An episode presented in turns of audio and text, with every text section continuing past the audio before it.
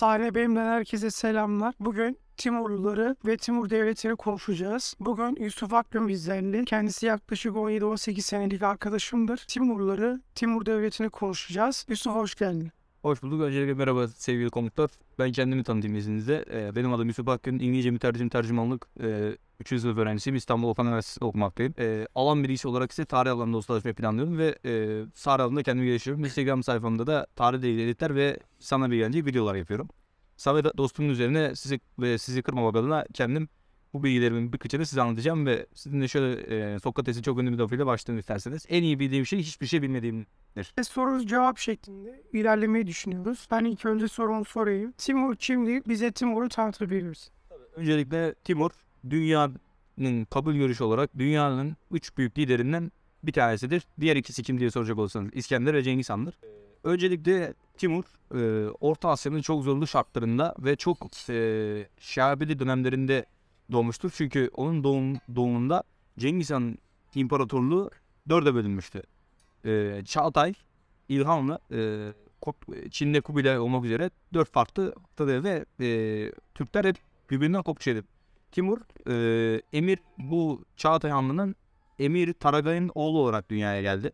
9 Nisan 1336 yılında. Timur doğumun, doğumunda, doğduğunda elinde bir kan fıtısı ve e, saçında bir akla doğdu. E, oradaki büyük alimler bunu şuna yormuştur. Her zaman gibi Cengiz Han'da olduğu gibi.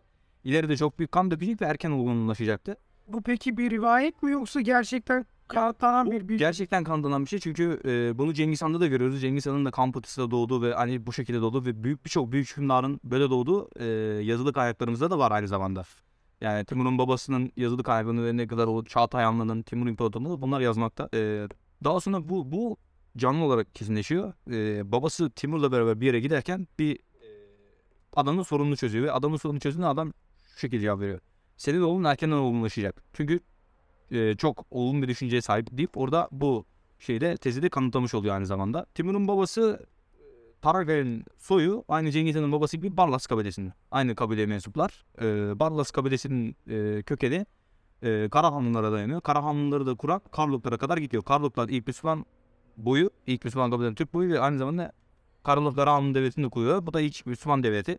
Onların soyu biliyorsunuz Göktürklere kadar dayanmış oluyor. Yani buradan Timur'un Moğol Türkiye'de Evet. yanlış bilinen Moğol kelimesinin tamamen yok olduğunu, tamamen Türk oğlu Türk olduğunu, kendisinin de söylediği biz ki Meliki Turan Emiri Türkistan'ız, biz ki Türk oğlu Türküz lafından anlayabiliyoruz. Ee, öncelikle daha kendisinden biraz da bahsetmeden önce Türkiye'deki şu saçma sapan tarihi söylemlere değineceğim.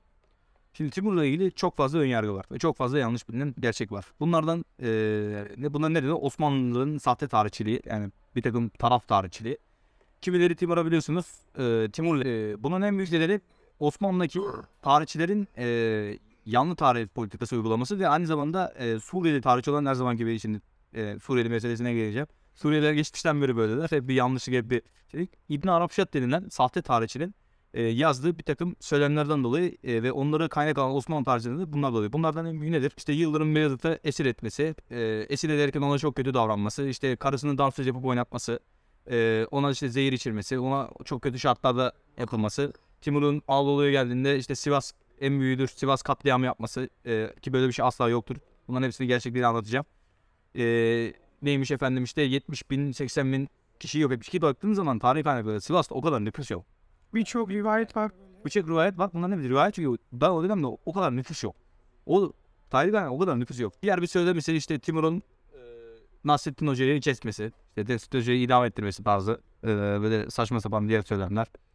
E, ondan sonra işte bir takım türbeleri yaktırması, yıktırması, e, camilere girmesi, işte işittirmesi ağıra falan bu tarzı böyle saçma sapan tamamen safsatadan ibaret. Bu İbn Araşav'ı kaynak alan Osmanlı tarihçilerinden ibaret saçma sapan bir e, algıdan dolayı Timur e, aynı zamanda hani Türk değil Moğol veya başka bir şeyden gelmiş olarak gözüküyor ki bunu yapanlar genelde bizim ülkede Osmanistler dediğimiz yani Osmanlı aşırı Osmanlıcılık yapan fes takan kesim. Ki bunların dedeleri zamanında 2. Mahmud'a gavur padişah dediler fesi getirdiği için. Sonra da kral ilan. Evet, sonunda kral ilan ettiler. İşte şimdi de aynı şekilde devam ediyor.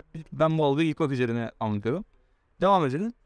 Ee, Timur çocukken e, savaş e, sürekli e, ilmini terk edip savaş alanına gidiyordu. Sürekli askerleri inceliyordu. Sürekli asker Babası buna çok sinirlendi. Çünkü babası Timur'dan önce ilim öğrenmesini, ilminde ustalaşmasını daha sonra askeri e, yapmasını istiyordu. O yüzden asker askerine şöyle bir emir veriyor. Hiçbir şekilde benim oğlum olduğum bakmaksızın en ağır işlerde çalıştırın. Timur ağır işlerde çalışmaktan bu huyundan soğuyor ve e, ilim e, Yoluna gir. öğrenmeye öğrenmeye devam ediyor ve 11 yaşında hafız olarak tüm ilmini tahsil ettiği zaman tamamlıyor. Bitiriyor. Timur 17 yaşlarına geldiğinde henüz e, e, Çağatay Hanı'na bağlı bir e, komutan olarak e, Emir Hüseyin'le beraber e, yola çıkıyorlar. E, taht uğruna. E, Tabi şimdi ondan önce şuna değinelim.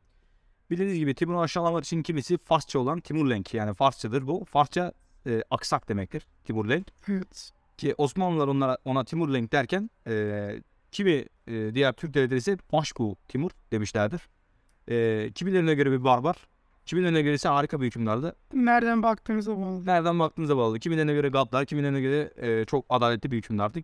Ki bu tartışılır aynı zamanda hani değişir. Durum e, o döneme göre bakmak gerekir. Dönemin şartlarına göre. Tabii işte Osmanlı kardeş katlinin e, şu anki dünya yanlış kardeş katli halbuki ama o döneme göre düşünmemiz gerektiğinden dolayı. Emir Hüseyin'le çıktıkları bu yolda e, bir savaş oluyor.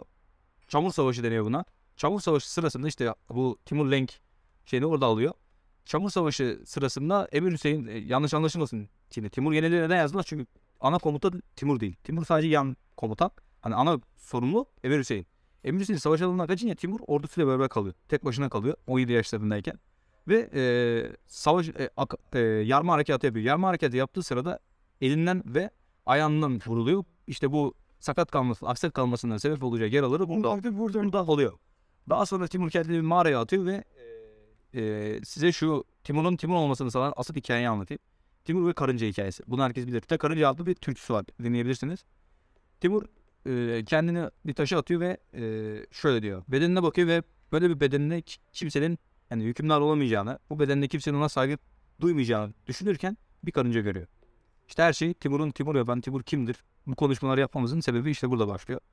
Timur bu karıncayı gör- görüyor. Karınca sürekli elinde bir yemeğiyle sürekli taşa tırmanıyor. Taşa tırmanıyor düşüyor ama hiçbir zaman pes etmiyor. Sürekli devam ediyor. Sürekli devam ediyor ve taşı. Timur bu karıncayı görüyor ve bundan ilham alarak ayağa kalkıp ordusunu toplayıp eee, geri dönüyor ve eee Ça Emir Hüseyin'e saldırı üzerine. Emir Hüseyin'in bir kalesini alıp orada kendi imparatorluğunu resmen Timur İmparatorluğu ilk kurulma tarihine 60 eee 60 oluyor. Eee, bu da eee, bu tarihlerde işte Timur İmparatorluğu'nun ilk hazırlığını 60 oluyor. Daha sonra kendisi eee Çağatay Hanı'nın olmadığı için eee, neden Han ünvanını kullanmadığını anlatayım. Han ünvanını kullanabilmek için o dönemlerde Cengiz Han'ın soyundan gelmeniz gerekmekte. O kendisi Cengiz Han soyundan geldiği için her zaman emir ünvanını kullanmıştır ki Han ünvanını kullanabilirdi. Çünkü Cengiz eee, kendisi eee, Cengiz Han'ın torunu olan Saraylı Kan'ın dedi Güregen lakabını alıyor. Güregen lakabı ise Cengiz Han'ın damadı demektir. Eee, kendisi yani aynı zamanda Cengiz Han'ın damadıdır. Diğer bir lakabı da Güregen Emir Timur Hazretleri'dir. Ve bakın şimdi Timur'un ideolojisini anlamak için şuna bakalım. İlk oğlunun adını 17 yaşındayken oğlu oluyor ve oğlunun adını Cihangir koyuyor. Bakar mısınız? Adamın aklında zaten daha dünya fatihi olmak var. Daha 17 yaşındayken. Bunu nereden anlıyoruz? Oğluna koyduğu Cihangir adından bile anlayabilirsiniz. Bu kadar büyük bir adam kendisi. Ee, daha sonra e, Çağatay Hanlığı'na e, kendi resmini meşhur etmek için Çağatay Hanlığı'na bir e, kukla han, Hanbaz dediğimiz olay.